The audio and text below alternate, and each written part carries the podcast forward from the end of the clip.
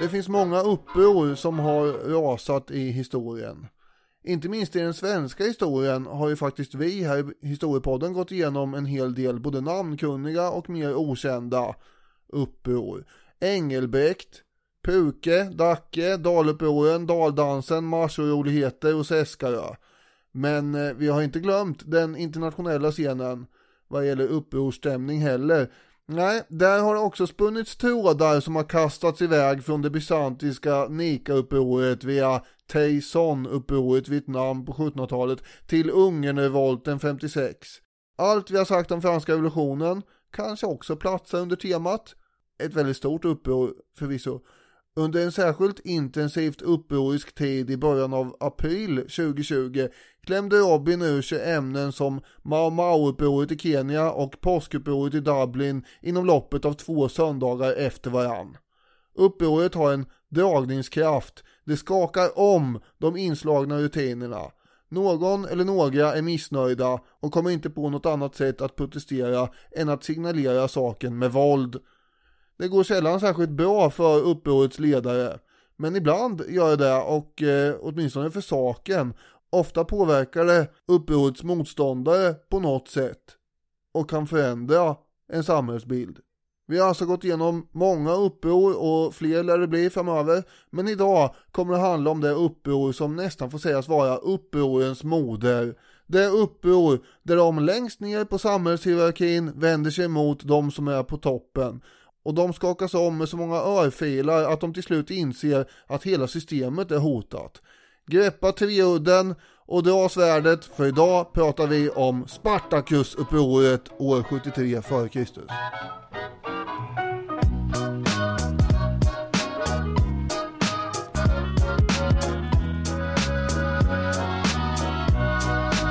Det är helt korrekt. Det är Historiepodden. Du som höll i trådarna där i inledningen heter Daniel Hermansson och jag, jag är Spartacus. Är du? Nej, jag är Spartacus. Nu är det en historisk kändis vi ska prata om här. Det är det ju ofta i och för sig, men en popkulturell kändis också. Vi gör det här avsnittet för att eh, jag älskar uppror och du Daniel, du älskar antiken och tycker också om uppror. Ja, jag tycker det är spännande i alla fall. Ja, jag också. Alltså, det är inte så att jag går igång när man ser rapport 1930 och det är ett nytt uppror i Nej. någon eh, afrikansk republik. Det gör mig absolut inte glad, men, men det är ju min favoritgenre av historia att läsa om. Och du gillar antiken och just det här är ju kanske din bästa period av antiken också. En period som du har skrivit böcker, eller i alla fall bok om. De kom, de såg, de segrade, finns fortfarande ute i handen. Ja, just det. Jag satt ju stora delar av sommaren och googlade de kom, de såg, de segrade recension. För man tänkte att snart, snart kommer de. Ja. I DN och Svenskan och allt vad det blir. Och, och jag var lite nervös för jag tänkte hoppas de är snälla mot honom. Men också, så såg man för, ja, men, men den är ju ändå, den håller ju vatten så. Det blir nog, det blir nog positiva ord. Men de där googlingarna jag vet inte om jag hade internetåtkomst eller inte, för jag fick aldrig några svar. Nej, ja, du är ju inte ensam om att ha suttit och, och googlat det här och, och väntat på att nu kommer det väl kanske något snart här. Nej, det har varit, eh, det har varit lite tyst då kan man säga. Och apropå det här tänkte jag då faktiskt be lyssnarna om eh, ett par saker. Eh, Först och främst ska jag säga att jag är väldigt glad över hur boken har tagits emot här av läsare. Eh, Som ofta då är lyssnare också förmodligen. Och jag vänder mig till lyssnarna i förordet och tackar er för allt stöd som vi har fått genom åren. Det är ju som att vi är inne på någon form av poddskaparresa tillsammans med lyssnarna du och jag. Just det. Och det är mycket eh, kontakt eh, som vi har också via Facebook-sidan och på Instagram och sådär med ju hela tiden. Och när vi har varit med i TV så ja, då har vi varit väldigt nervösa, särskilt i början när vi var med. Då var man ju, man visste ju varken vad man sa eller hade gjort när man kom ut därifrån och var väldigt uppskakad. Och, men då kunde man ändå ta en titt i sociala medier så fick man idel tummar och eh, ryggdunkningar av härliga lyssnare som eh, gav stöd och det kändes ju väldigt bra. Även boken har ju fått glada tillrop och positiva recensioner vill jag ändå hävda från de läsare som har uttryckt sig. Man kan ju nämligen få recensioner på olika sidor, även om man inte får det på kultursidor. Eh, som till exempel Adlibris eller Goodreads och så vidare. Klara på Goodreads, hon skriver till exempel Underhållande, bildat och rappt, precis som vi är vana vid från historiepodden. Jag kastade mig över boken och kunde inte sluta läsa förrän den var slut. En särskild eloge är Hermansson värd för att han drar en lans för vikten av att lära sig om antikens civilisationer inom ramen för historieundervisningen. Precis som han skriver behöver vi förstå vår historia för att kunna förstå vår samtid. Ställ mig helhjärtat bakom hans önskan om en andra renässans. Ja, tack. Och Erik han skriver att han tänker spara boken tills hans barn är redo att introduceras i antik historia och det här är ju värmande. Ja det är det ju. Ja. Det är en, en tjomme här, Joel på Adlibris, som jämför dig med en modern Alf Henriksson. Ja, jag har sett det.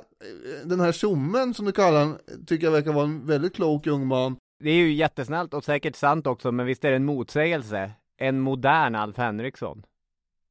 Ja, ja det kanske det är. Men du förstår ju vad han menar. Ja, absolut. Berätta glädje. Ja, man blir väldigt glad och sånt här. Med det sagt så är man ju också förvånad över tystheten i tidningarna. Och som du var inne på, man var ju nervös förstås inför de här sessionerna, det var ju jag med. Men ändå på ett förväntansfullt sätt, ungefär som ja, att ha fjärilar i magen när man var 13 år och kär. Men eh, nu så blev man ju inte ens nobbad den här gången utan bara ignorerad. och det är ju ännu jobbigare. Ja, faktiskt. Man blir lite ledsen. Jag var inte beredd på det. Eh, en sågning hade man ju kunnat resonera kring åtminstone. Man har blivit sågad förr i livet. Ja. det man alltid. Ja. Man har återhämtat sig. Men det här var något annat. Med den här kalla tystnaden. Och den är också förvånande tycker jag med tanke på bokens timing. Här har vi en bok som innehåller tesen att vi behöver en ny bildningsrenässans liksom. Och samtidigt håller kultursidorna på att förfasa sig över bildningens förfall när museerna nu inte har råd att finansiera sig. Så då kan man ju tycka att de kan skriva en recension om en bok som argumenterar för just bildning och ökad förtrogenhet kring historia och sådär. Om det är så att det är den här nutidsfixeringen som dominerar om man lite slängigt tänker att antik historia är för avlägset, det har väl ingen bäring på det här kära nuet vi befinner oss i. Då kan jag ge ett av många tips på hur man kan läsa boken. Man kan, ja det är tips då ja, för att få lite nutidsfeeling. Julius Caesar är Donald Trump, rent politiskt alltså. Ja, det är, den liknelsen har man hört och den stämmer ju. Ja, på det sättet att båda tycker att de är själva så förträffligt exemplariska att de är bättre och viktigare än det system de verkar inom. Mm. De är samhällsomstörtande. Ja, de bara inte ställer sig över det. De motverkar ju systemet för att gynna sig själva till vilket pris som helst. Och båda är ju, alltså de har självförtroende på steroider kan, kan man konstatera. Dessutom, republikanen Ted Cruz är Cicero. Det var kanske inte lika beredd på. Nej. Jo, jo, rent politiskt. Inte litterärt eller retoriskt då alltså kanske. Men, men båda låter sig förnedras och förödmjukas av Caesar och Trump. För att sen då mot bättre vetande stödja dem bara för att rädda sin egen politiska karriär. För den är så otroligt förbannat viktig tydligen. Ja, men eh, insinuerade Caesar att eh, Ciceros pappa hade skjutit eller varit involverad i mordet på John F Kennedy? Nej, men han hade ingen emot att man brände ner hans hus och skickade iväg till Grekland. Tvärtom, och det är väl ungefär i, i, jämförbart på något sätt. En annan aspekt man kan tänka på är ju gängens dominans på gatorna i Rom under den här tiden. Kan man ju stillsamt reflektera lite över.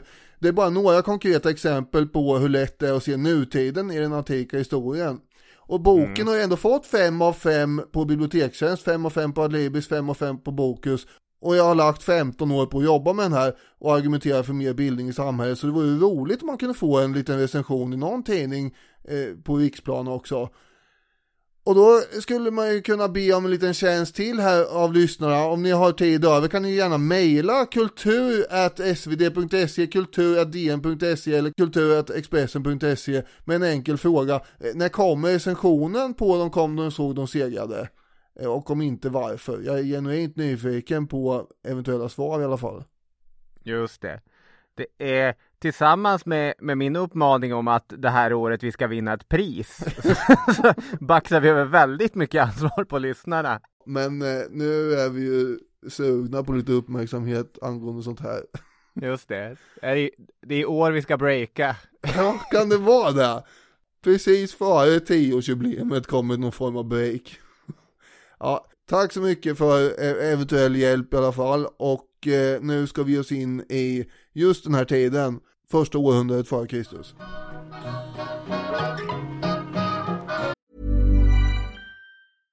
Hiring for your small business? If you're not looking for professionals on LinkedIn, you're looking in the wrong place. That's like looking for your car keys in a fish tank. LinkedIn helps you hire professionals you can't find anywhere else, even those who aren't actively searching for a new job but might be open to the perfect role. In a given month, over 70% of LinkedIn users don't even visit other leading job sites. So start looking in the right place. With LinkedIn, you can hire professionals like a professional. Post your free job on linkedin.com slash people today. Ready to pop the question? The jewelers at BlueNile.com have got sparkle down to a science with beautiful lab-grown diamonds worthy of your most brilliant moments. Their lab-grown diamonds are independently graded and guaranteed identical to natural diamonds, and they're ready to ship to your door. Go to BlueNile.com and use promo code LISTEN to get $50 off your purchase of $500 or more. That's code LISTEN at BlueNile.com for $50 off. BlueNile.com code LISTEN. Burrow's furniture is built for the way you live. From ensuring easy assembly and disassembly to honoring highly requested new colors for their award-winning seating, they always have their customers in mind. Their modular seating is made out of durable materials to last and grow with you. And with Burrow, you always get fast, free shipping. Get up to 60% off during Burrow's Memorial Day sale at burrow.com slash ACAST. That's burrow.com slash ACAST. burrow.com slash ACAST.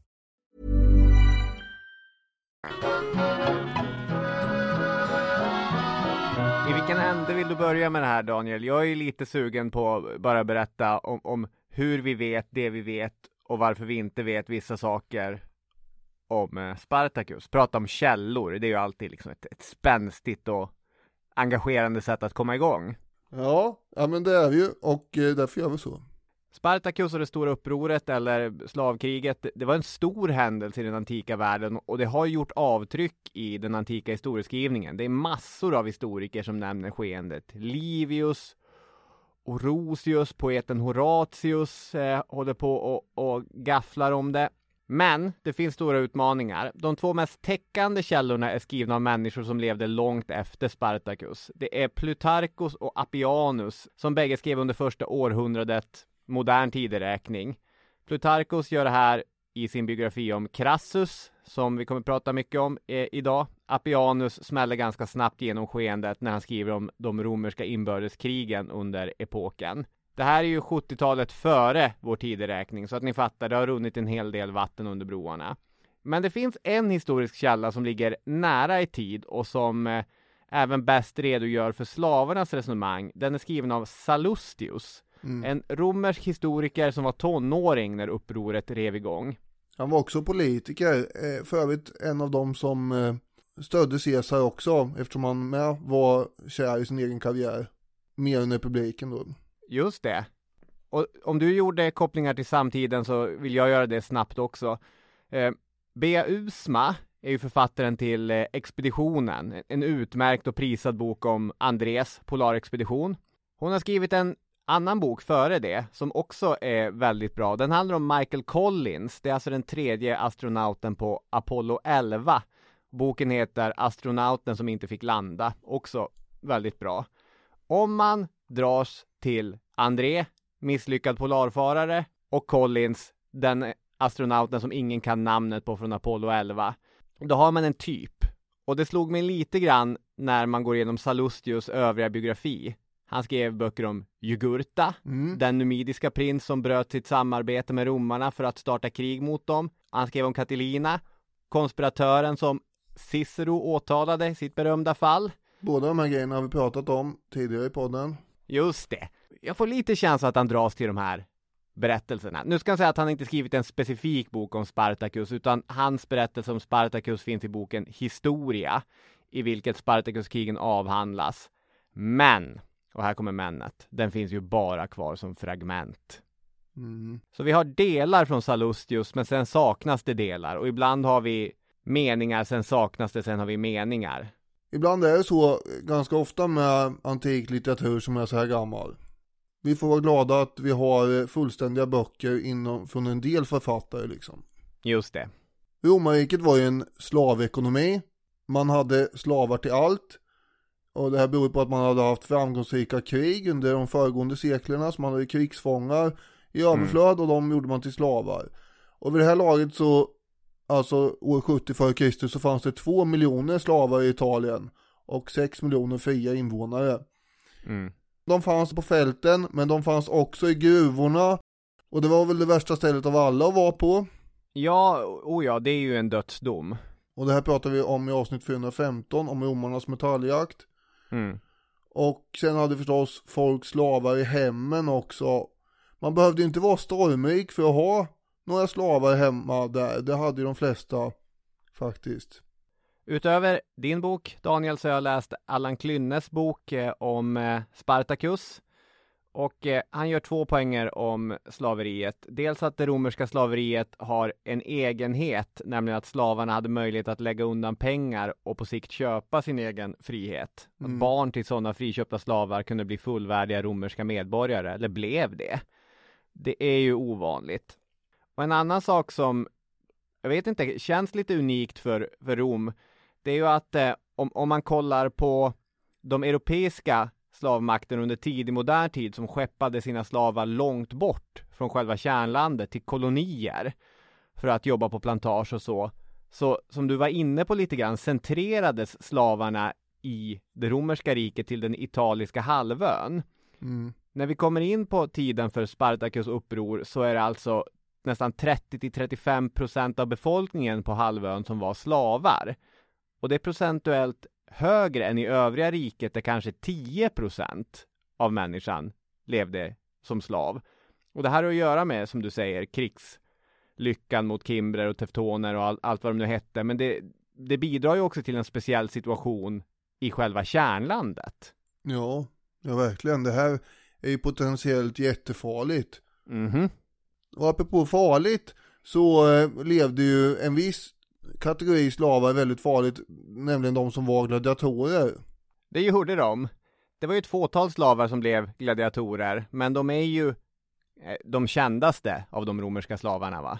Ja, det kanske de är ja. Och de, alltså de stred ju då på arenan som underhållning. Ungefär som boxare gör idag, kan man säga. Fast de inte är slavar och tjänar en massa pengar och sällan slåss tills de dör. Men annars är det, kan man säga, de slåss Ja. inför publik.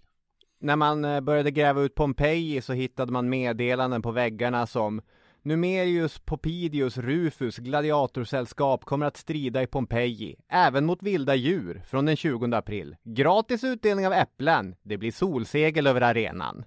Ja, Det är skönt att veta. precis som modern våldsunderhållning. Ja, Så att man inte blir för solsting och grejer där. Ja, Bra. i och för sig på eh, Friends Arena och så, så vägrar de ju stänga taket. Eh, Det spelar ingen roll om det är minus 30, det är inget solsegel som åker upp där. Men Nej. här, här, ja, du får gratis äpple och skugga. Och betrakta avslagna näsben. Ja, exakt så. Mm. Spartacus var i alla fall gladiator och enligt antika historiker så kommer han ju då från Thrakien. Eh, Det vill säga det är en del av eh, dagens Serbien, Grekland och Bulgarien kan man säga. Mm. En teori som finns är ju att eh, trakiska kungar hade nämligen hetat Sparadokus. Det visste man.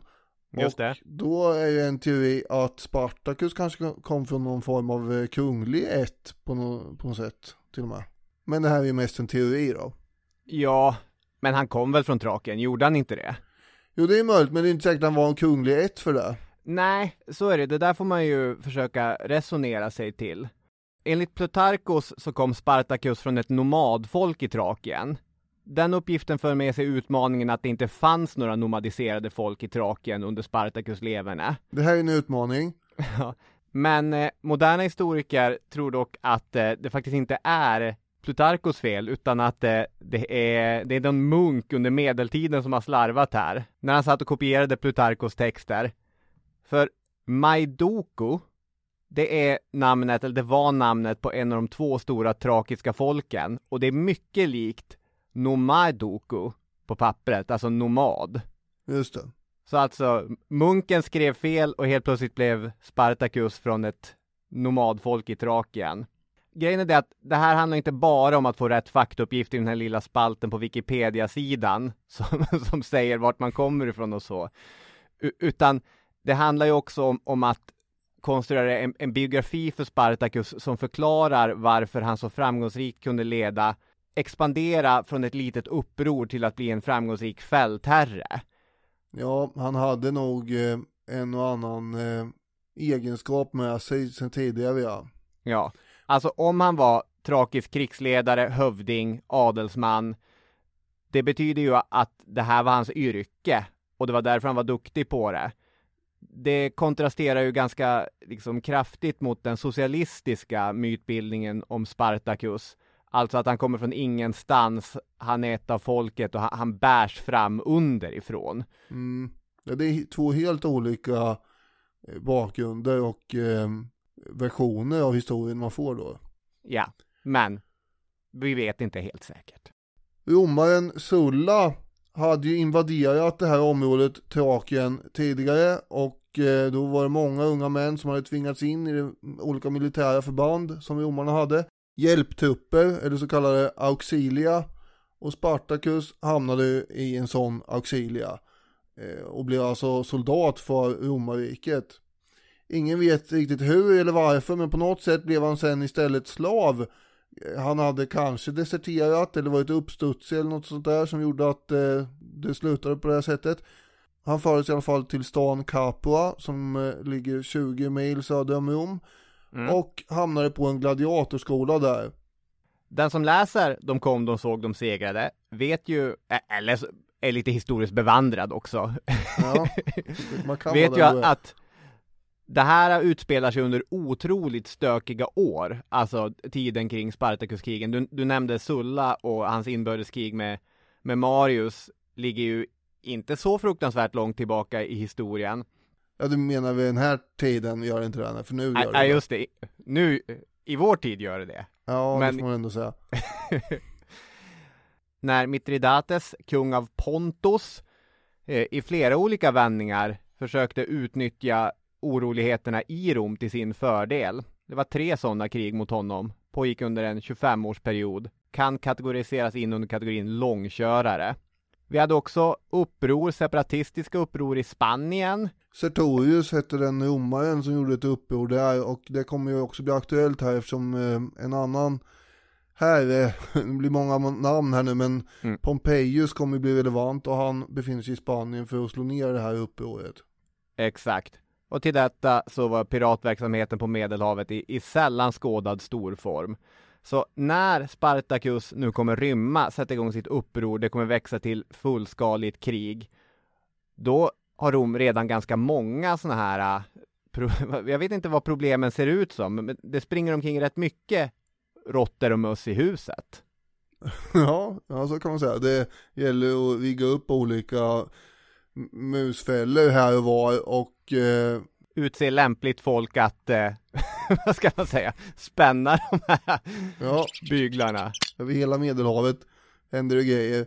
Och eh, tidigare i historien, eh, som var lite längre tillbaka då, än vad Sullas inbördeskrig var, hade det också skett slavuppror Mm. Faktiskt, till exempel på Sicilien, eller framförallt där, både på 130-talet och 104 till 103 f.Kr. Och det var ungefär då 30 år före det att Spartacus nu kommer att få mord.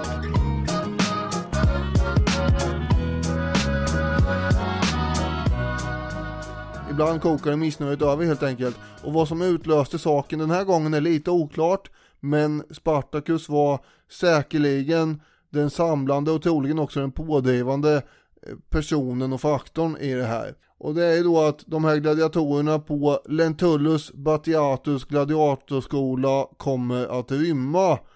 Det fanns ungefär 200 gladiatorer där. Möjligen hade de tänkt ta kontrollen över vapenförrådet. Men i så fall blir de avslöjade innan. För hur som helst tar de sig in till köket istället. Mm. Och där hittar man tillhyggen, knivar, köttspett och grejer som går att använda. Och med hjälp av de här köksredskapen så slår sig ja, åtminstone ja, mellan 74 och 78 stycken gladiatorer ut i friheten. 78 säger Plutarchus, 70 säger Appianus. Färre än 50 skriver Cicero. Ja, jag har ju då skrivit 78 i min bok. så jag har ju gått på Plutarkos. Så jag eh, får stå fast vid det. Ja, din bok handlar ju om, om den handlar inte uteslutande om Spartacusupproret heller. Det vore en konstig faktauppgift att gräva sig ner i. Var de 74 eller 78? Det är också lite saksamma om man ska vara helt ärlig. Hur som helst, de påträffar ju då en skramlande vagn på ingång mot gladiatorskolan när de har kommit ut därifrån och då är det en massa gladiatorvapen i den här som är på väg dit. Det är svärd, spjut och treuddar och allt möjligt så nu har de ju riktiga vapen, inte bara potatisskalor längre. Nej, precis, men det är i sanning ett gäng gladiatorer, nu också beväpnade som gladiatorer, som flyr från Mm. gladiatorskolan. Och de flesta av dem är ju antingen germaner eller traker eller kelter. Mm. Eh, Så de, de är ju kanske långhåriga, lite, de är storvuxna. En och annan bybo lär ju ha sprungit och gömt sig när de såg den här samlingen karlar komma knallande längs vägen söderut. Mm. För nu är de på väg mot Vesuvius som ligger tre mil söder om Capua.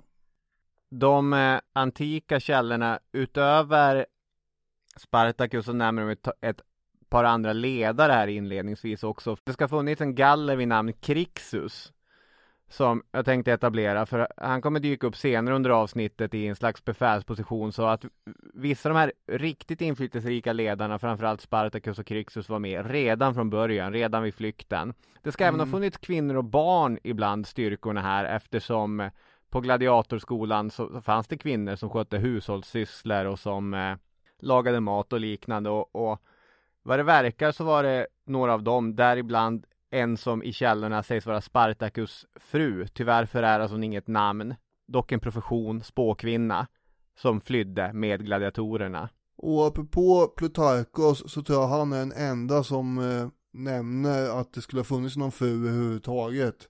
Ja, Så det får man ju eh, komma ihåg då. just det.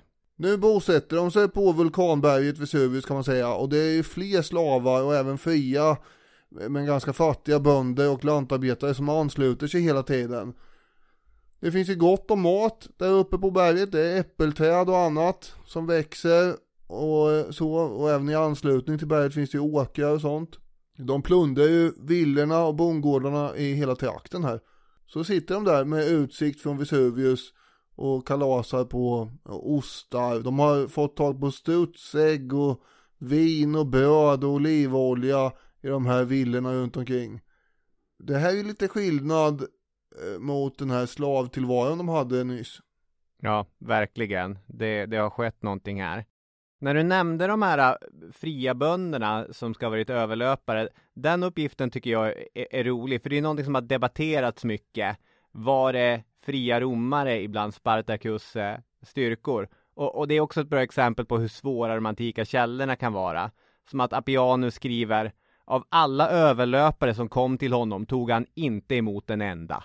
Sen verkar Appianus ha glömt det, för på nästa sida skriver han Manskapet utgjordes av slavar, överlöpare och allsköns slödder. Ja, men det är ju motsägelsefullt alltså att försöka reda ut antika källor. Det här kan jag ju då vittna om efter att ha hållit på med det i 15 år för den här Ja. boken som sagt. Och det är, man får helt enkelt gå på om, om eh, mer än eh, en av dem säger någonting då får man ju förmodligen köra på det om de, de också generellt är mer trovärdiga än den andra. Men sen ibland kan det vara så att Livius är mer trovärdig än de andra om de motsäger sig själva för mycket. Mm. Så att eh, det där är en bedömningsfråga i varje enskild faktauppgift nästan. Och här är det nog så att det var överlöpare som förekom om man säger så. Storleken på manskapet talar ju för det. I och för sig fanns det ju mycket slavar. Ah, ja, förlåt, vi ska inte fastna i den. Jag tycker bara att det är intressant. Spartacus kommer ju att träna upp det här gänget till något som liknar en armé. gladiatorerna hade ju erfarenhet förstås, men det hade inte alla andra slavar och bönder säger jag, som kom Mm. dit. Utan nu fick de då bli eh, tränade i att hantera vapen. Från Capua, den här stan de hade flytt från, skickade man ut en garnisonstyrka för att fånga in dem igen. Hela den styrkan förintades och enligt eh, Plutarkos då så kastade man efter det sina gladiatorsvapen och eh, tog de romerska vapnen för man tyckte att eh, de gamla vapnen var vanärande. Första chansen man fick skulle man ta steg mot att bli en riktig armé. Men man kommer ju ställas inför eh, mer handfasta utmaningar. Några månader efter den här rymningen och att de hade besegrat de här lokala trupperna så var det ju flera tusen män och kvinnor och barn som lever på Vesuvius. Och vartefter så reagerar ju då Rom lite grann med halvhjärtat intresse för den här saken. Bara, Jaha, ja, det verkar vara något på gång där nere. Och då skickar man ju en styrka på 3000 man som sänds iväg under ledning av ett ganska oerfaret befäl. Och det är en eh, praetor som eh, ska leda den här styrkan. Och det är då det näst högsta ämbetet i, i Rom. Det är bara konsulerna som är över pretorerna. De brukar vara ungefär vid den här tiden sex stycken eh, Mm. pretorerna. Och här är det en av dem som ska försöka slå ner det här då. De romerska ämbetena är ju lite förvirrande för i, i deras civila uppdrag så var det ju snarare en juridisk roll som var knutet till domstolarna. Mm. Men eh, mer än så följde också imperium rätten att mönstra styrkor. Vilket man hade gjort i all hast hoprafsat, säger Appianus. Och när armén kommer fram till Vesuvius så lyckas de att eh, tvinga Spartacus och hans män högre och högre upp på, på berget, på vulkanen. Genom att befästa den enda framkomliga vägen så tänkte man att nu har man dem i, i en riktigt utsatt situation här. De är högst upp på vulkanen. Vi kontrollerar vägen ner. Nu, nu kommer vi vinna. Men då förstår ni. Då händer följande. Så förstår ni. Det är ju, ja men vulkanisk jord, den är ju bördig. Och flera av Italiens absolut bästa rödtjut, det kommer ju från den här trakten. Det finns vinrankor här. Det är där Det finns vinrankor och de fria slavarna, de hade gjort rep och stegar. Så en handfull förrymda gladiatorer förstärkta med förrymda slavar och bönder från Vesuvius vingårdar halar sig ner för bergets sida, kommer runt den romerska armén och faller in över lägret från fel håll för romarnas sätt då. Jag tycker man ska ta det här lite försiktigare. Man tänker att vi smyger oss fram, man klättrar tyst ner vid en obevakad bergssida på de här vinrankerna. Och så smyger man sig fram mot lägret där de här legionärerna ligger och sover. Den här romerska armén, alltså generellt, de brukar ju föredra att anfalla strukturerat och i uppstyrda formationer på ett slagfält. Här blir de ju väldigt överraskade och trängda när det dyker upp folk som håller på att slåss med dem där. Stökigt i tältdukarna och det är slagsmål och skrik och panik och nu kan vi skruva upp volymen lite här för nu är vi fullt ös.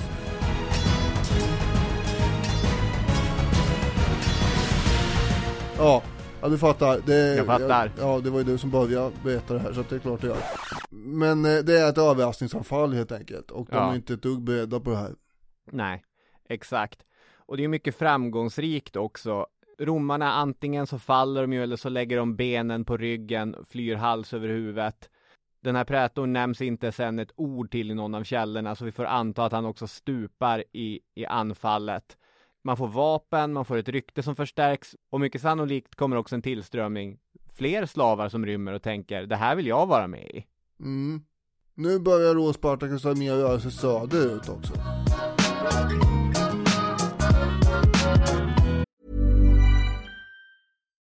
Millions of people have lost weight with personalized plans from Noom, like Evan, who can't stand salads and still lost 50 pounds. Salads, generally, for most people, are the easy button, right? For me, that wasn't an option. I never really was a salad guy. That's just not who I am. But Noom worked for me. Get your personalized plan today at Noom.com. Real Noom user compensated to provide their story. In four weeks, the typical Noom user can expect to lose one to two pounds per week. Individual results may vary. Burrow's furniture is built for the way you live. From ensuring easy assembly and disassembly to honoring highly requested new colors for their award-winning seating, they always have their customers in mind. Their modular seating is made out of durable materials to last and grow with you. And with Burrow, you always get fast, free shipping. Get up to 60% off during Burrow's Memorial Day sale at burrow.com slash ACAST. That's burrow.com slash ACAST. burrow.com slash ACAST. I'm Sandra, and I'm just the professional your small business was looking for. But you didn't hire me because you didn't use LinkedIn jobs. LinkedIn has professionals you can't find anywhere else, including those who aren't actively looking for a new job but might be open to the perfect role, like me. In a given month, over 70% of LinkedIn users don't visit other leading job sites. So if you're not looking on LinkedIn, you'll miss out on great candidates like Sandra. Start hiring professionals like a professional. Post your free job on linkedin.com/people today.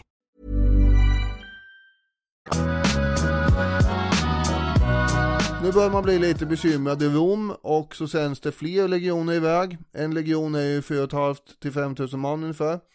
Och eh, det är nya pretorer som leder de här legionerna. Men Spartacus han förstår ju att det här, det var ganska förödmjukande för romarna. De kommer ju aldrig acceptera ett nederlag, de kommer inte ge upp. Så han eh, är ju beredd på att det kommer komma mer.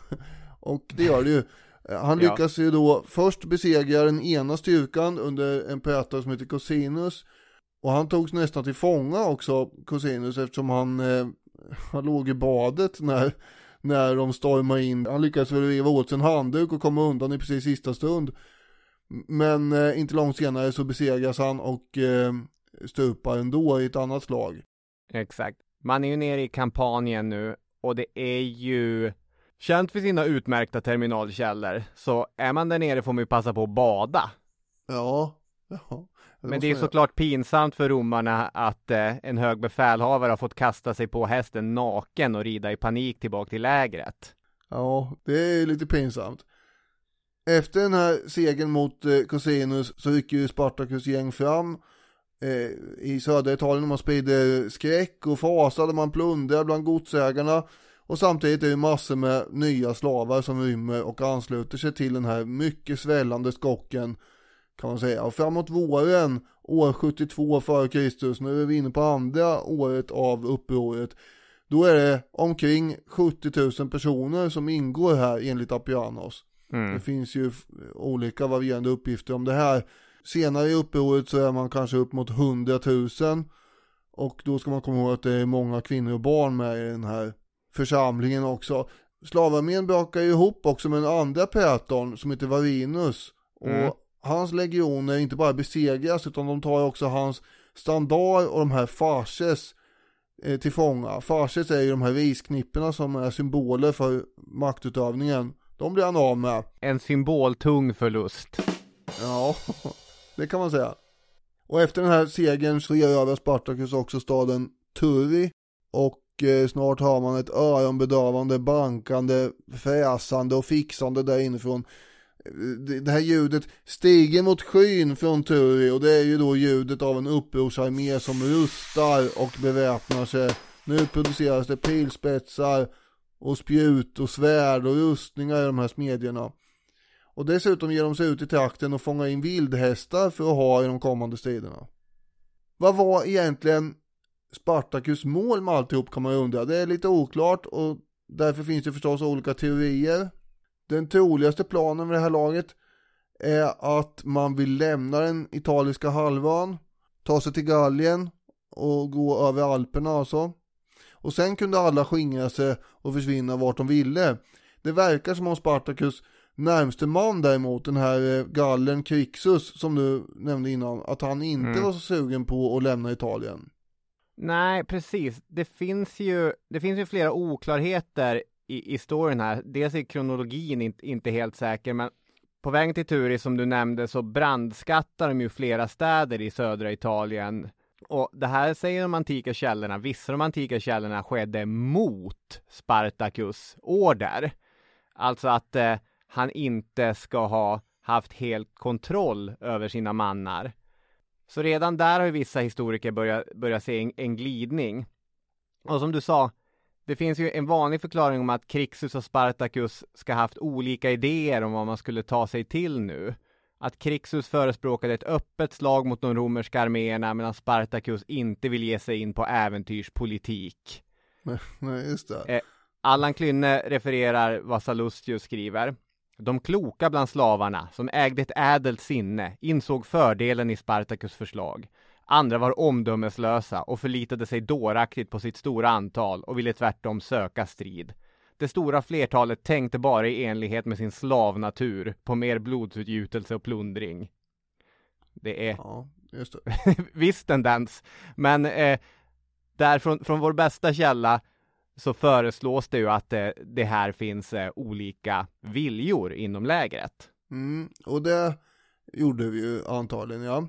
Och det här leder ju till eh, en splittring i olika grupperingar där Krixus leder den ena delen av armén och eh, Spartacus den andra. Men båda arméerna kommer att röra sig norrut Mm. eh, till att börja med. Och har väl någon form av eh, samband. Det är lite oklart vad avsikten med den där uppdelningen var. Men nu börjar ju senaten i Rom att få viktiga stressutslag och klåda eh, av att eh, tre arméer har slagits sönder. Och deras alltså riktigt omfattande styrkor som vi sa innan befinner sig i Spanien. Där eh, den grandiosa vinnarmaskinen Pompejus håller på att banka ner det här seglevade upproret. Så här står det i boken Romarna, antikens supermakt. Slavarméns framgångar har övertygat makthavarna om att rebellerna inte bara är en flock ilskna män utan ett hotfullt uppror som kan få imperiet att vackla. Och så var det ju. Och det hade man Mm. insett nu vid det här laget efter att eh, de här arméerna man hade skickat iväg hade gått upp i rök. Så senaten låter då de två konsulerna skickas iväg med ännu fler legioner för att göra slut på det här problemet en gång för alla. Och tanken är ju då att ringa in slavarmén och krossa den förstås. Krixus och hans ja, 20-30 000 galler, hur många de nu var, kommer stöta på eh, den ena romerska konsularmén. Och vi vet egentligen ingenting av vad som skedde under den här sammandrabbningen annat än att eh, Krixus följe, män, kvinnor och barn nedgörs helt och hållet. Så den här, eh, vad ska man säga, klyvningen hade inte blivit någon succé för Krixus. Men samtidigt så hade ju Spartacus vandrat i, i mer rakt nordlig riktning. Hans följe vandrade genom Apenninerna. Och risken som Spartacus och liksom den stora delen av armén och följet utsattes för, det var ju att fastna mellan den konsularmé i, i söder som redan hade slagit till mot Krixus och den konsularmén som fanns i norr. Det vore ju absolut inte lyckat att, eh, att bli omringat. Men Spartacus kommer inte vara slagen än på långa vägar. Han kommer att vinna. Och de här drabbningarna vet vi heller inte mycket om, men man kan gå till Plutarkos utläggning. När Lentulus, det är en av konsulerna, han i norr, med omfattande befästningsverk omringat Spartacus, gjorde denne ett utfall, gick till strid och besegrade konsulns legater samt erövrade hela hans tross. Effektivt berättande. Ja, ja det är ju det. inte jättedetaljerat i det här fallet. I nästa skede så slog ju konsulerna samman sina styrkor för att krossa Spartacus. Det här har jag ännu mindre detaljer om, men enligt Appianus så vann Spartacus en fullständig seger mot den här samlade konsulstyrkan. En ganska intressant scen utspelar sig efter det här. För att hedra de fallna ibland Krixus så lät det Spartacus tillfångatagna romare, ganska många verkar som, typ 300, strida mot varandra till döds samtidigt som ett stort likbål brann i bakgrunden. Ett symboliskt lekbål får vi komma ihåg då, för man har ju inte kroppen av Krixus. Nej, exakt. Men det här är någon slags återgång till eh, den religiösa kult från vilket gladiatorspelen ursprungligen stammade. Och att det är förrymda gladiatorer som iscensättare är ju en ganska symboliskt laddad scen. Det är också någon form av ironi att de här legionärerna som representerar det här förtrycket som gladiatorerna tidigare har levt under är nu de som ska få uppleva detsamma, att de ska få slåss så att säga mot varandra till döden för eh, slavarnas höga nöjes skull att titta på. Exakt, så är det ju. Eh, Allan, Klyn, Allan Klynne lyfter Livius som avhandlar allt detta, slagen och förlusterna genom att skriva Konsulerna stred utan framgång mot Spartacus. Och så kommenterar han det här. Bakom den formuleringen döljer sig alltså tre slag på kort tid där Roms högsta befälhavare led nederlag. Slavarmén kunde återigen lägga beslag på legionernas fälttecken, hästar, utrustning, vapen, sköldar, hjälmar, hackor, spadar och tält. För att inte tala om personliga dyrbarheter. Det verkar som Livius av skam ville tiga ihjäl hela historien. Det är nog mycket möjligt att det var så att han ville tiga ihjäl den historien. Samtidigt så skriver han ju om över 700 år och eh, sådär. Han, eh, han skriver väldigt mycket om eh, nederlagen mot Hannibal ju. Just det. Ibland kan det vara värt att vara lite effektiv. Kanske, men det är också möjligt att han skämdes en del över just det här att det var mot slavar det här skedde ja. Mm. Nu vandrade Spartacus här in i den provins som kallades Gallia Cisalpina. Eh, det är latin, även om jag slaktar det såklart, och betyder Gallien på denna sida av Alperna. Det är lite grann what you see is what you get. Där fanns många galler, helt uppenbart. Jag skulle säga Gallia Cisalpina, men eh, det här är svårt att så att säga möta. Det låter ju bättre. Gallia Cisalpina, eh, 42 före vår tideräkning, alltså bara en liten bit i framtiden så blev den här provinsen en del av det egentliga italiska halvön. Men här är det fortsatt en provins. Rätt schysst sån dock. Och där satt en ståthållare som året innan hade varit konsul i Rom. Och alltså egentligen, det var ju under hans skift som det här lilla slavuppbådet hade fått växa sig till den stora rörelse som det nu handlade om. Och de två legioner som han hade kommando över, det var absolut ingen match för den massiva slavarmén. Och med detta har ännu ett romerskt härläger fallit offer för Spartacus frammarsch. Jag har lite grann tappat räkningen på hur många arméer eller legioner det är nu, men det är väl uppe i sju stycken åtminstone. Just det. Som har sopats bort. Det intressanta här är ju att det är inte bara det att Spartacus armé nu är den enskilt starkaste på den italiska halvön, utan han har ju faktiskt också öppen gata att bara sticka från Roms omedelbara räckvidd. Här Mm. kan han ju leda sina traker och galler till Trakien och Gallien. Men det kommer han inte göra. Och det är ju en av de så här stora frågorna som moderna historiker gång efter annan har återvänt till. Varför beter sig Spartacus som han beter sig? Varför går han söderut igen? De når ju alltså upp till ungefär dagens Modena i norra Italien när Ja, man... Modena skulle jag säga. Ja, okej, nu fick du revansch. ja, Modena. Japp, där har man varit. Nej, det vill jag inte ha med. Vill du inte ha med det? det är så jävla drygt. Där har man varit. Det kommer kanske med. Och det är där i alla fall som eh, det vänder av någon anledning. Och det är ju oklart. Antika historiker menar ju då att Spartacus lät sig övertalas av sina trupper att stanna kvar på den italiska halvön. Kanske bör de tro att de var oövervinnliga och sådär. Det Mm. verkar ju som om de ville fortsätta plundra och förödmjuka Rom då. Men de hade alltså kunnat ta sig över Alperna och försvinna bort i frihet någonstans vid det här laget. Om det Mm. var så att de trodde att de var oövervinnliga och bara skulle fortsätta i all evighet att leva rövare så var ju det en häftig felbedömning får man ju säga. Ja, verkligen. Eh, Klynne lyfter ett antal praktiska orsaker. Att här hade man vandrat in i den del av den italiska halvön som var mycket mer tätbefolkad än vad de här södra regionerna som man hade hållit till i var. Där städerna var svårare att, eh, att plundra och inta. Och där skulle man kämpa sig fram genom det för att sen försöka bemästra Alperna. Att eh, det kanske var ganska rationellt att eh, bege sig till eh, en plats där man hade haft framgångar och där man visste att man kunde försörja det stora uppbådet som man nu var.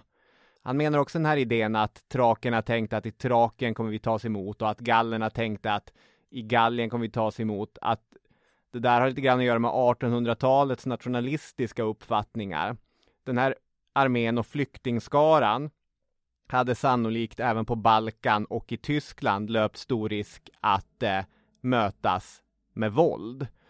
Ja det är mycket möjligt att de hade gjort det men det är ju, de vet ju att de kommer mötas med våld om de stannar kvar på den här halvan. Det finns ju ingen framtid där. Och därför är det ju ganska eh, mystiskt att man inte ändå tar chansen att lämna för det hade man ju faktiskt en här. Ja.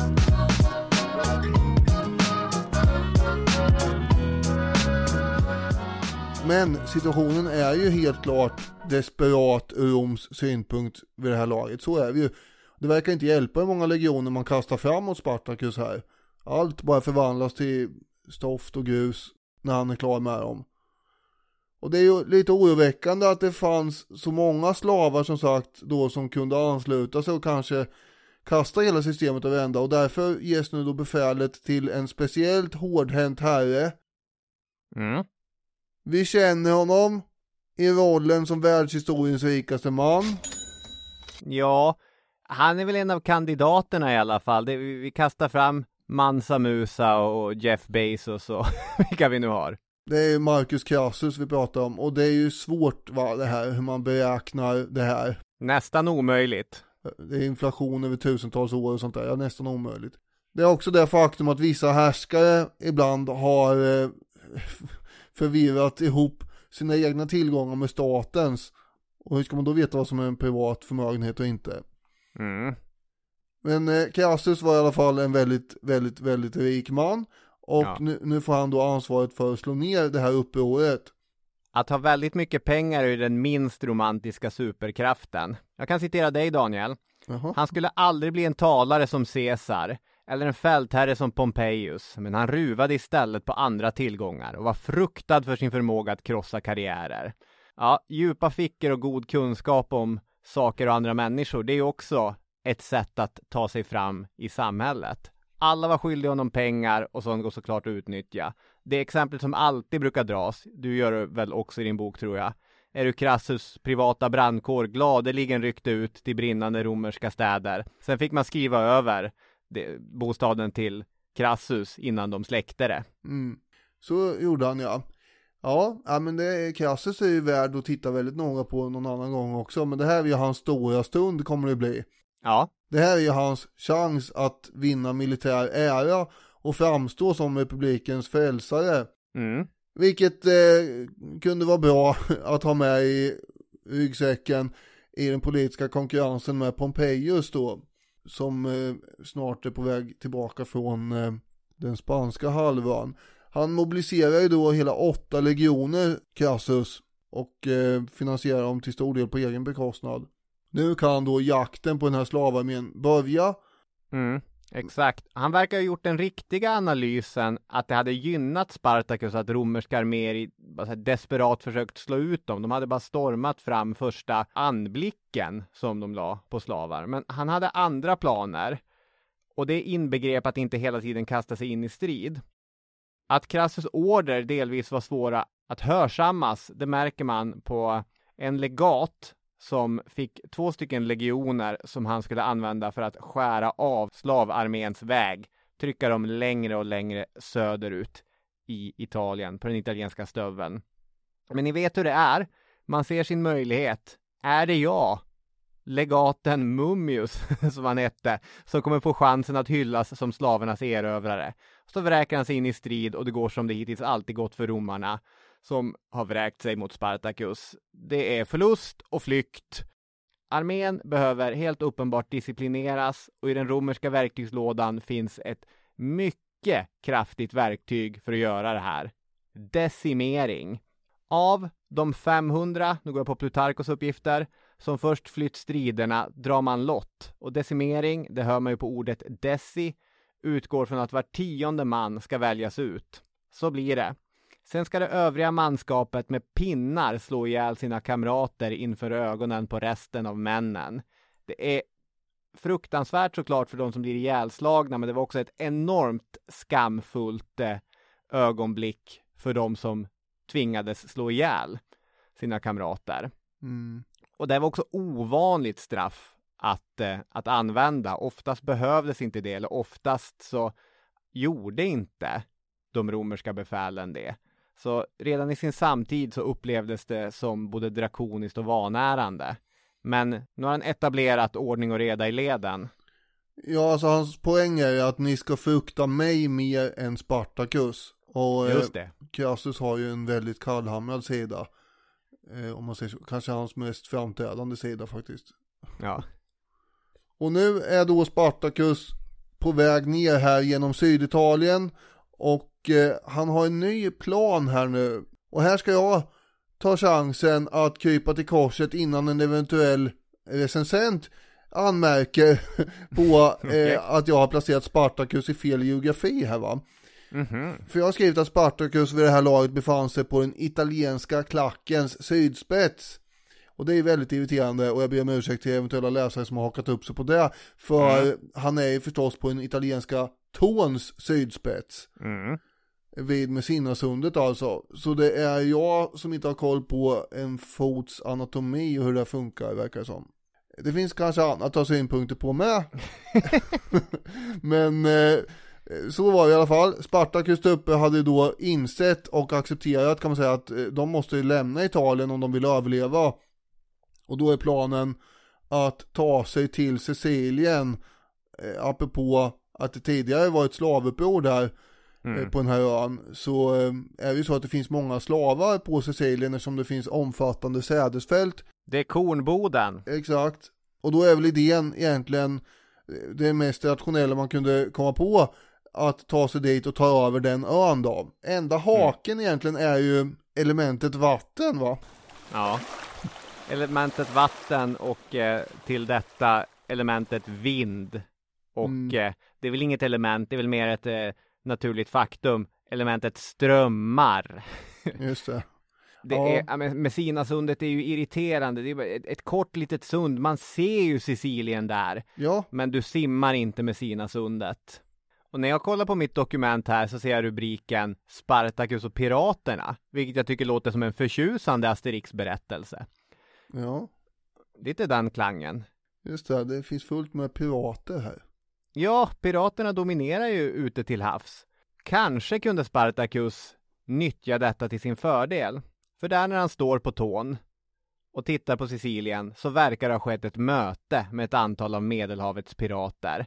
Här har vi inte enormt mycket källmaterial att använda. Det är återigen bara Plutarko som överhuvudtaget skriver om detta. Men jag tycker det är intressant och dessutom tycker jag att det är logiskt att eh, han ska försöka få lös båtar.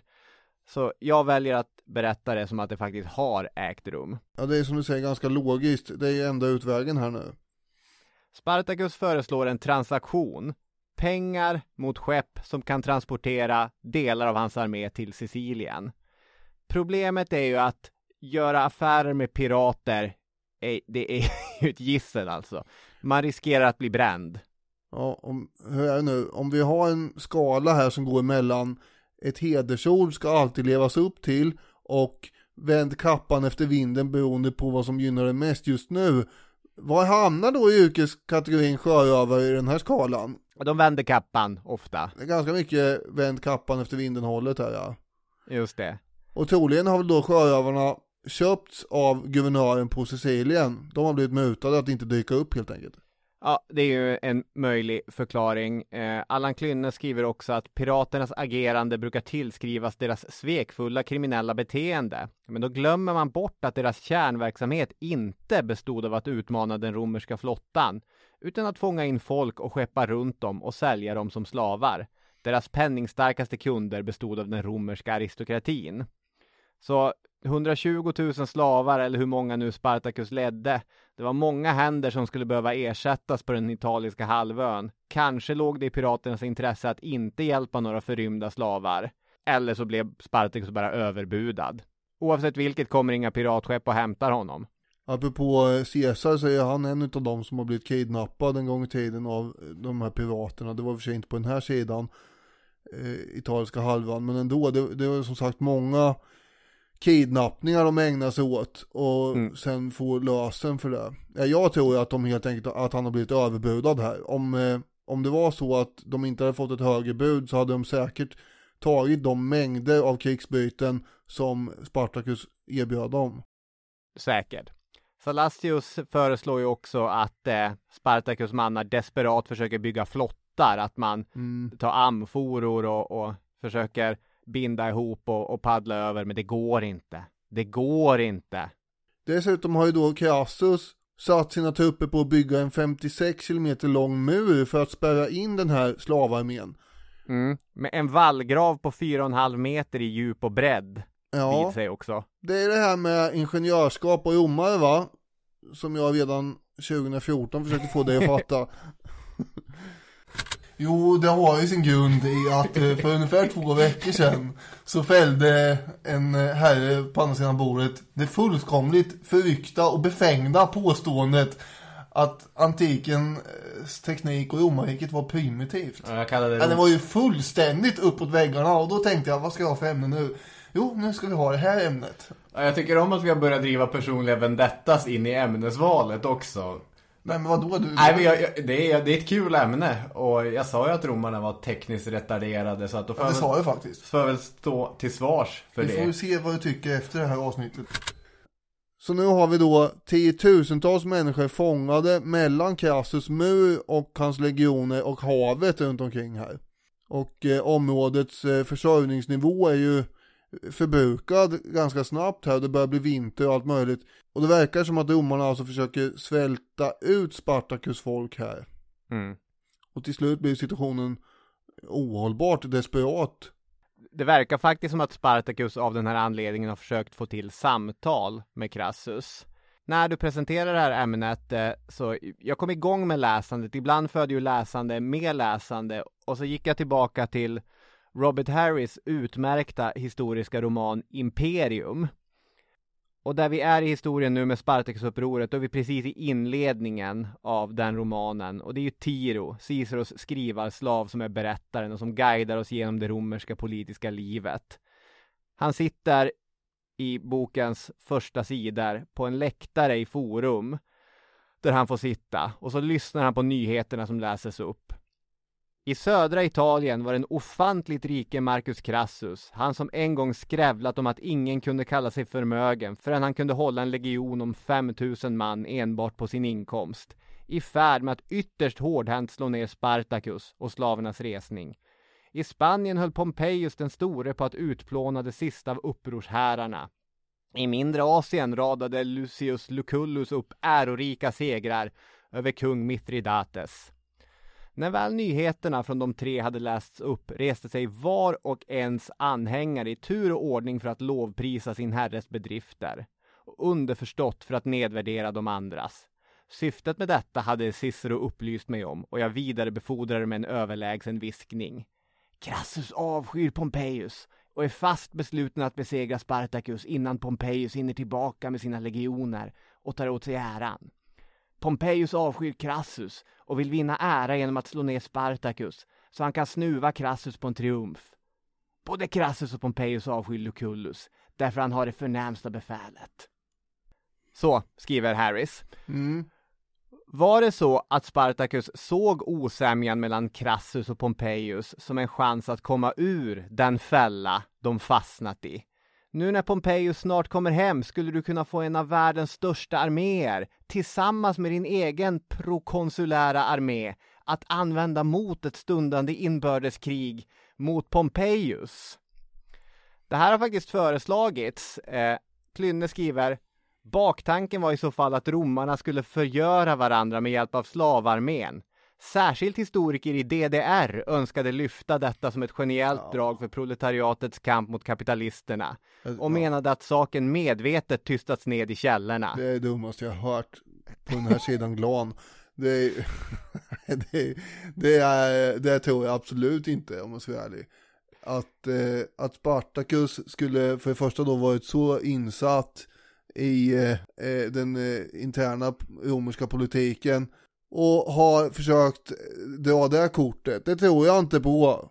Och jag tror ännu mindre på att Crassus skulle sänka sig till den nivån att han skulle ta hjälp av den här armén för att besegra den populära Pompejus. Aldrig att han skulle ta den risken att... Eh, Nej. nej.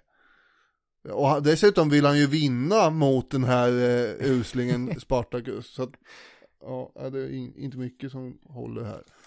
Nej, jag har, jag har två eh, poänger på det här. För det första då att eh, om din andra slutsats håller DDR-historikerna med, eftersom att Crassus av eh, klasskampsmotsättningar inte kunde godta slavarnas krav. De, eh, då, får man ju då, tänk, då får man ju tänka sig att slavarna erbjöd, vi hjälper dig Crassus, men då får du sen eh, släppa slavarna fria efter vinsten eller något sånt där som man inte kunde motta. Det här får man ju tänka in då. Det är ju och, deras terminologi här i och för sig också mycket, men visst det ligger lite i att han inte vill eh, befattas med, med dem. ja. Alltså jag tycker inte alltid att historiematerialism är en dålig förklaringsmodell. Kampen om produktionsmedel är ju en viktig historisk struktur. Men det blir ju, det är ju kul för det blir ju smått liksom parodiskt ja. när man går in i 2000 år gammal historia och försöker vrida en handfull delvis motsägelsefulla antika källor så att de berättelserna ska överstämma med en historisk doktrin. För Appianus, oavsett vilket, skriver att Spartacus förslag föraktfullt avvisades av Crassus då. Mm. Situationen blev ju som du sa mer och mer utsatt hos Spartacus män här. Man håller ju på att svältas eh, ner. Och i flera tolkningar av det antika materialet så har man också lyft att motsättningarna internt blev större som en logisk följd av det här. Spartacus, han tycks slutligen rikta in sig på att bryta igenom Crassus vallgrav och palissad. Man gör en misslyckad stormning som enligt Appianus kostar livet på 12 000 av soldaterna. Det vet man ju inte de siffrorna om de stämmer eller inte, men ändå. Men sen i ett andra försök så forcerade man palissaderna genom att dumpa jord och stockar och annat bråte i vallgraven och sen forcera murarna med eld. Och ett luggslitet gäng flyr genom där. Ja, han verkar ju då ha kommit förbi med en tredjedel av sin armé eh, ungefär ut genom muren. Ja, exakt. Och eh, här kommer jag till en, en story som, som jag gillar, för två stycken nya befäl Eh, vi behöver inte gå in på vad de heter, men eh, nya män som har lyfts upp under Spartacus, de flyr hals över huvud med legioner som jagar efter dem. Och det som händer med den här utbrytararmén från Spartacus sida, det, det tycker jag är spännande. Vi kan katalogisera den under kategorin översättningssvårigheter. De har flytt upp i bergen och vi har ett antal keltiska kvinnor ibland dem som vandrar upp, högst upp på berget där de får syn på de romerska trupperna som närmar sig den här utbrytardelen från Spartacus armé. Vilket gör att de kan varna sina soldater. Sallustius skriver om det på följande sätt. Före gryningen hade två keltiska kvinnor som undvek den övriga gruppen klättrat upp på en bergstopp för att tillbringa sin menstruationsperiod där. Och så brukar det översättas. Eh, grejen är det att de orden som Sallustius använder betyder månatliga åligganden. Vilket såklart kan vara att eh, de hade mens. Men också som Plutarkos föreslår, riter och offer. Då kopplade till månens position, vilket ju också är ett slags månatliga åtaganden. Det fanns keltiska spåkvinnor och, och, och trollkvinnor där. Nu stod månen som den stod, då har man eh, grejer man behöver fixa. Så mm. de här mm. keltiska trollkvinnorna, alternativt utstötta menstruationsdamerna, ser en enorm rörelse på bergssidan. Helt plötsligt så verkar hela berget flytta på sig och det är då romerska legionärer som har spänt fast kvistar och grejer på, på sina hjälmar för att närma sig den här delen av slavarmén. Mm. Sen ser man lite längre bort hur Crassus anländer med sina soldater. Det ser riktigt illa ut. Men, där kommer han. Där kommer Spartacus också med sina soldater. Och romarna retirerar tillfälligt och dagen efter så kommer slaget stå. Här står det något slags slag. De antika källorna ger, som ofta i Spartacus uppror, ganska lite information om själva slagen, om fältherrarnas list och om de ståtliga talen som hölls och så. Men dagen efter Crassus misslyckande överraskningsanfall kommer i alla fall ett namngivet slag stå. Det är slaget vid Cantenna Informationen här kommer från författaren Frontinus och finns i ett verk som handlar om krigslister. Där nämner han, här var en, en krigslist. Däremot, man vet inte riktigt vad det stod, man har inte kunnat styrka det med arkeologiska fynd. Men Crassus ska ha lyckats med konststycket att hålla de olika delarna av Spartacus armé åtskilda. Hälften av rytteriet skulle hålla Spartacus sysselsatt medan andra halvan försökte locka fram de germanska trupperna eh, som fanns där i berget med trollkvinnorna. Det verkar slutligen ha lyckats och de här soldaterna hamnade på en plats där Crassus infanteri kunde rycka fram. Uppgiften om antalet döda skiljer sig kraftigt åt i källorna. 12 000 döda, 35 000 döda. Vem vet? Men det som jag tycker är intressant här är att, eh, som Plutarchos till exempel skriver om, att han, han imponeras över modet med vilken den här eh, delen av slavarmén går under. För han menar att de romerska soldaterna efteråt endast hittade två stycken frigjorda slavar med hugg i ryggen. Samtliga ska alltså ha fortsatt att forcera framåt, aldrig gett upp och så vidare. Det går Mm. givetvis inte att verifiera att något av det här överensstämmer. Och, och det är också en romersk tendens att alltid prisa barbaren för att han är modig samtidigt som säga att barbaren är en barbar och, och vi, är, vi är inte barbarer, det är det som gör oss till oss. Så Spartacus förlorar soldater här, men han är än inte besegrad, utan den delen kommer vi ju till nu. Nu, nu kommer Crassus nådestöt.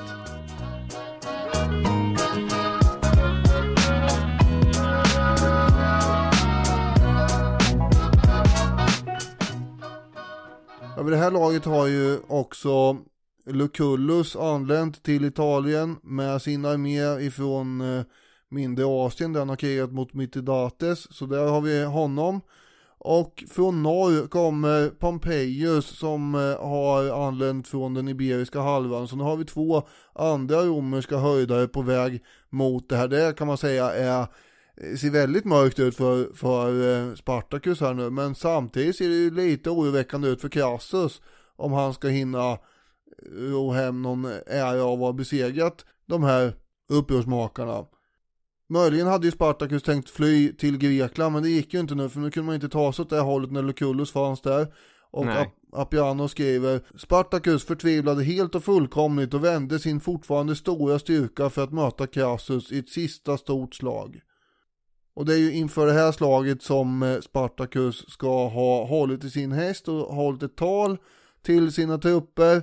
Och eh, så sa han, om vi vinner får vi massor av fiendens goda hästar, om inte så behöver jag ingen.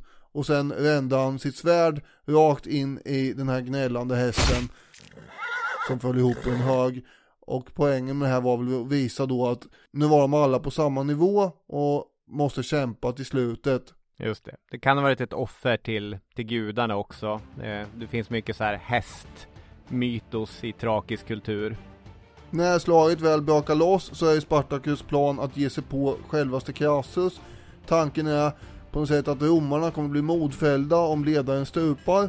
Och tillsammans med sina ryttare så slår han sig fram en bit in i den romerska linjen. Och Apianos skriver Spartacus själv skadades av ett spjuthugg i låret. Men sjönk ner på ett knä och höll sin sköld framför sig och slog bort dem som attackerade honom. Till dess att han och ett stort antal av hans följeslagare var omringade och föll.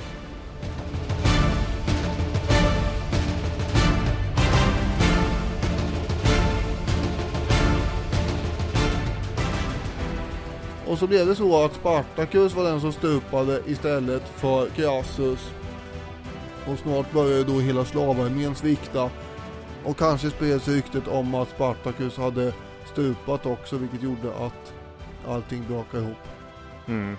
Och romarna kommer att hacka sig igenom hela slavarmén och det blir ett totalt blodbad.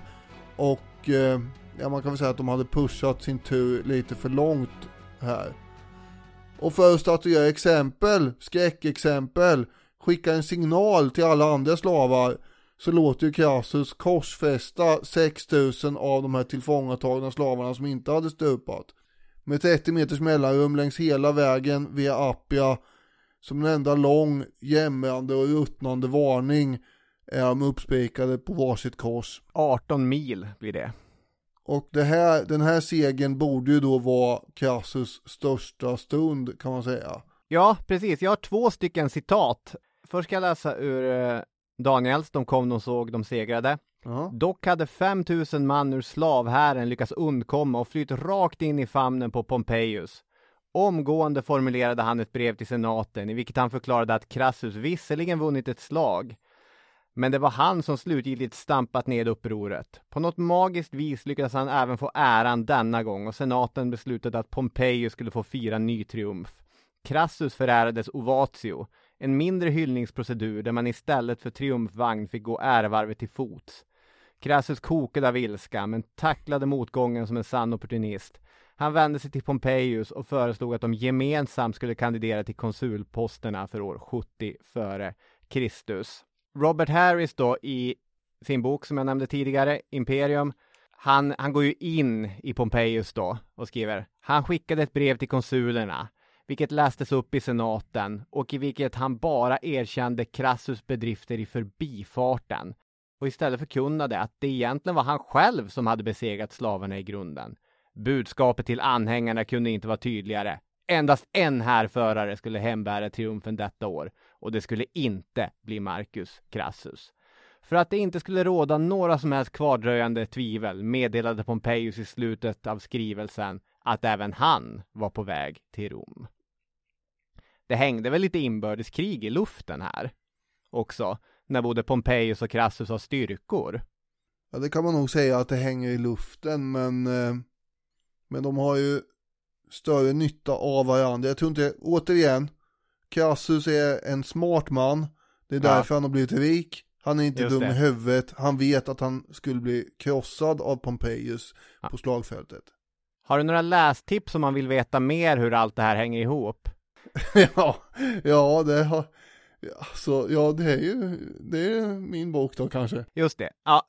Sen finns det ju då i slutet på min bok eh, en massa andra källor man kan, man kan eh, kolla upp då så att säga. Pompejus hade ju heller inte rätt, alltså alla slavarna utrotades ju inte av honom utan i de syditalienska bergen pågick ett lågintensivt gerillakrig i tio år till efter det här. Mm. Men det förde inte med sig samma hot. När Spartacus ledde sin armé av fria slavar stod han i fronten för en politisk uppfattning som inte fanns. Det var ingen som pratade om eller tänkte på att avskaffa slaveriet.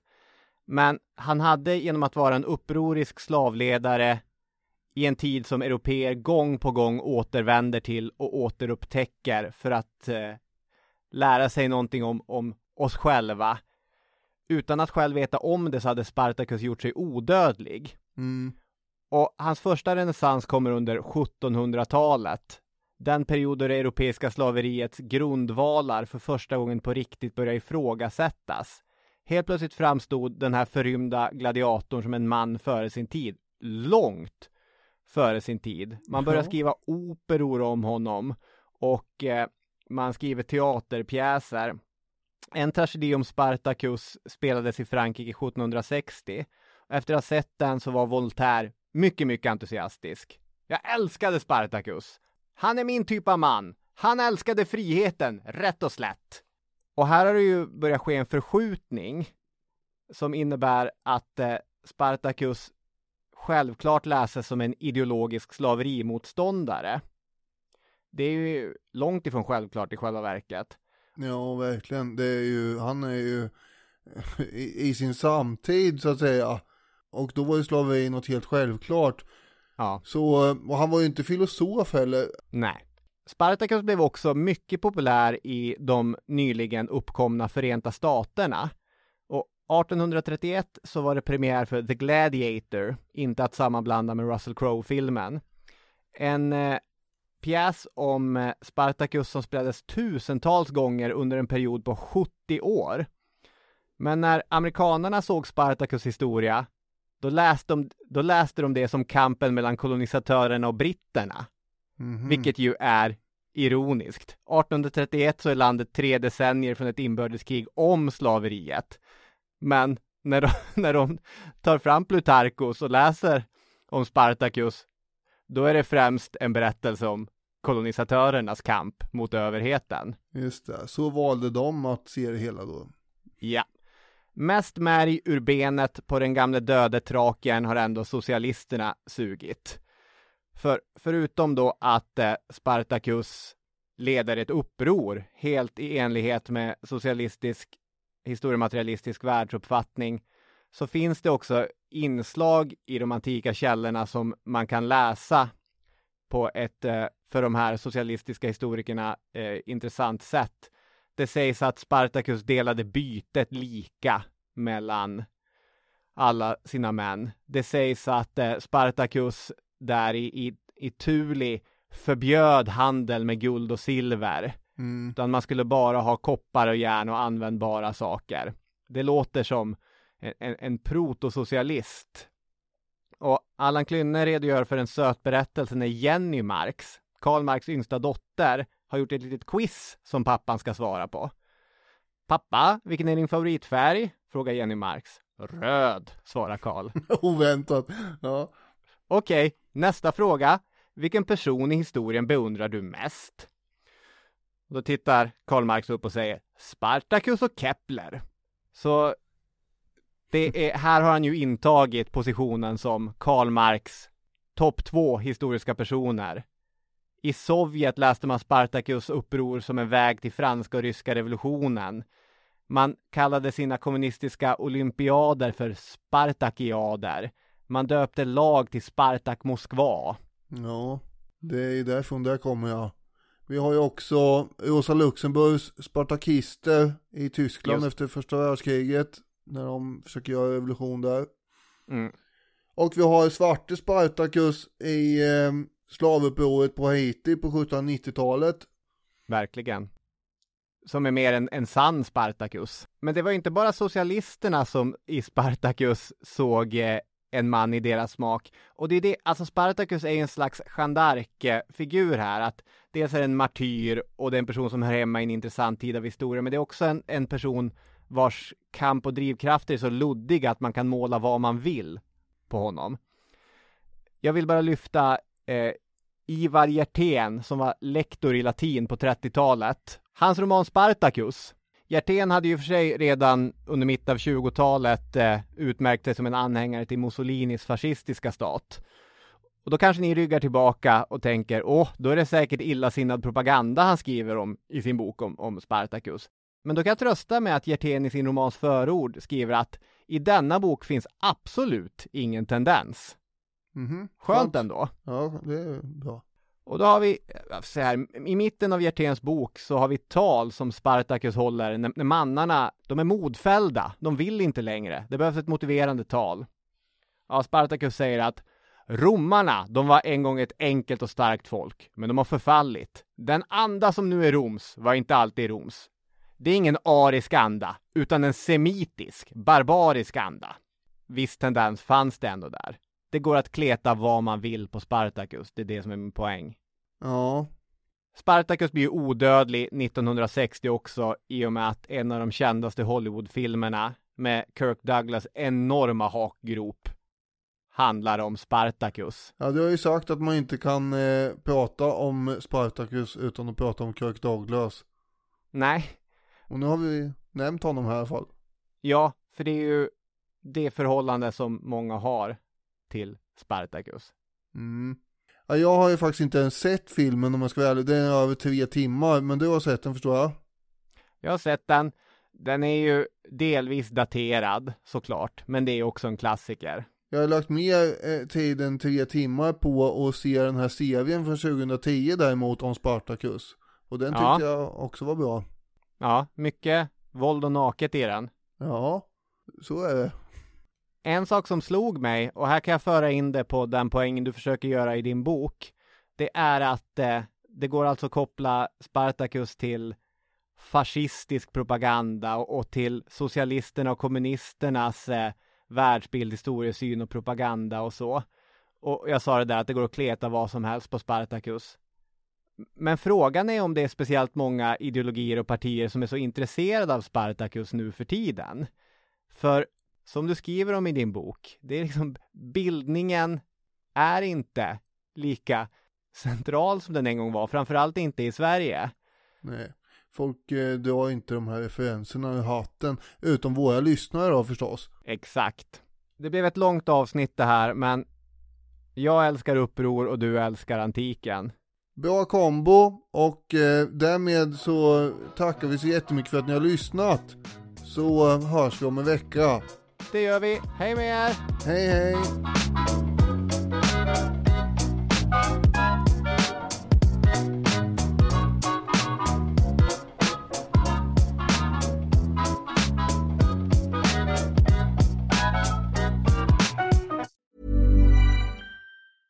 Planning for your next trip? Elevate your travel style with Quince. Quince has all the jet setting essentials you'll want for your next getaway, like European linen, premium luggage options, buttery soft Italian leather bags, and so much more. And is all priced at 50 to 80% less than similar brands. Plus, Quince only works with factories that use safe and ethical manufacturing practices. Pack your bags with high-quality essentials you'll be wearing for vacations to come with Quince. Go to quince.com slash pack for free shipping and 365-day returns. When you make decisions for your company, you look for the no-brainers. And if you have a lot of mailing to do, stamps.com is the ultimate no-brainer. It streamlines your processes to make your business more efficient, which makes you less busy. Mail checks, invoices, legal documents, and everything you need to keep your business running with stamps.com. Seamlessly connect with every major marketplace and shopping cart. Schedule package pickups and see your cheapest and fastest shipping options from different carriers with rates up to 89% off USPS and UPS rates. And with the stamps.com mobile app, you can take care of mailing and shipping wherever you are. Make the same no-brainer decision as over 1 million other businesses with stamps.com. Sign up with code program for a 4-week trial plus free postage and a free digital scale. No long-term commitments or contracts. That's stamps.com. Code program.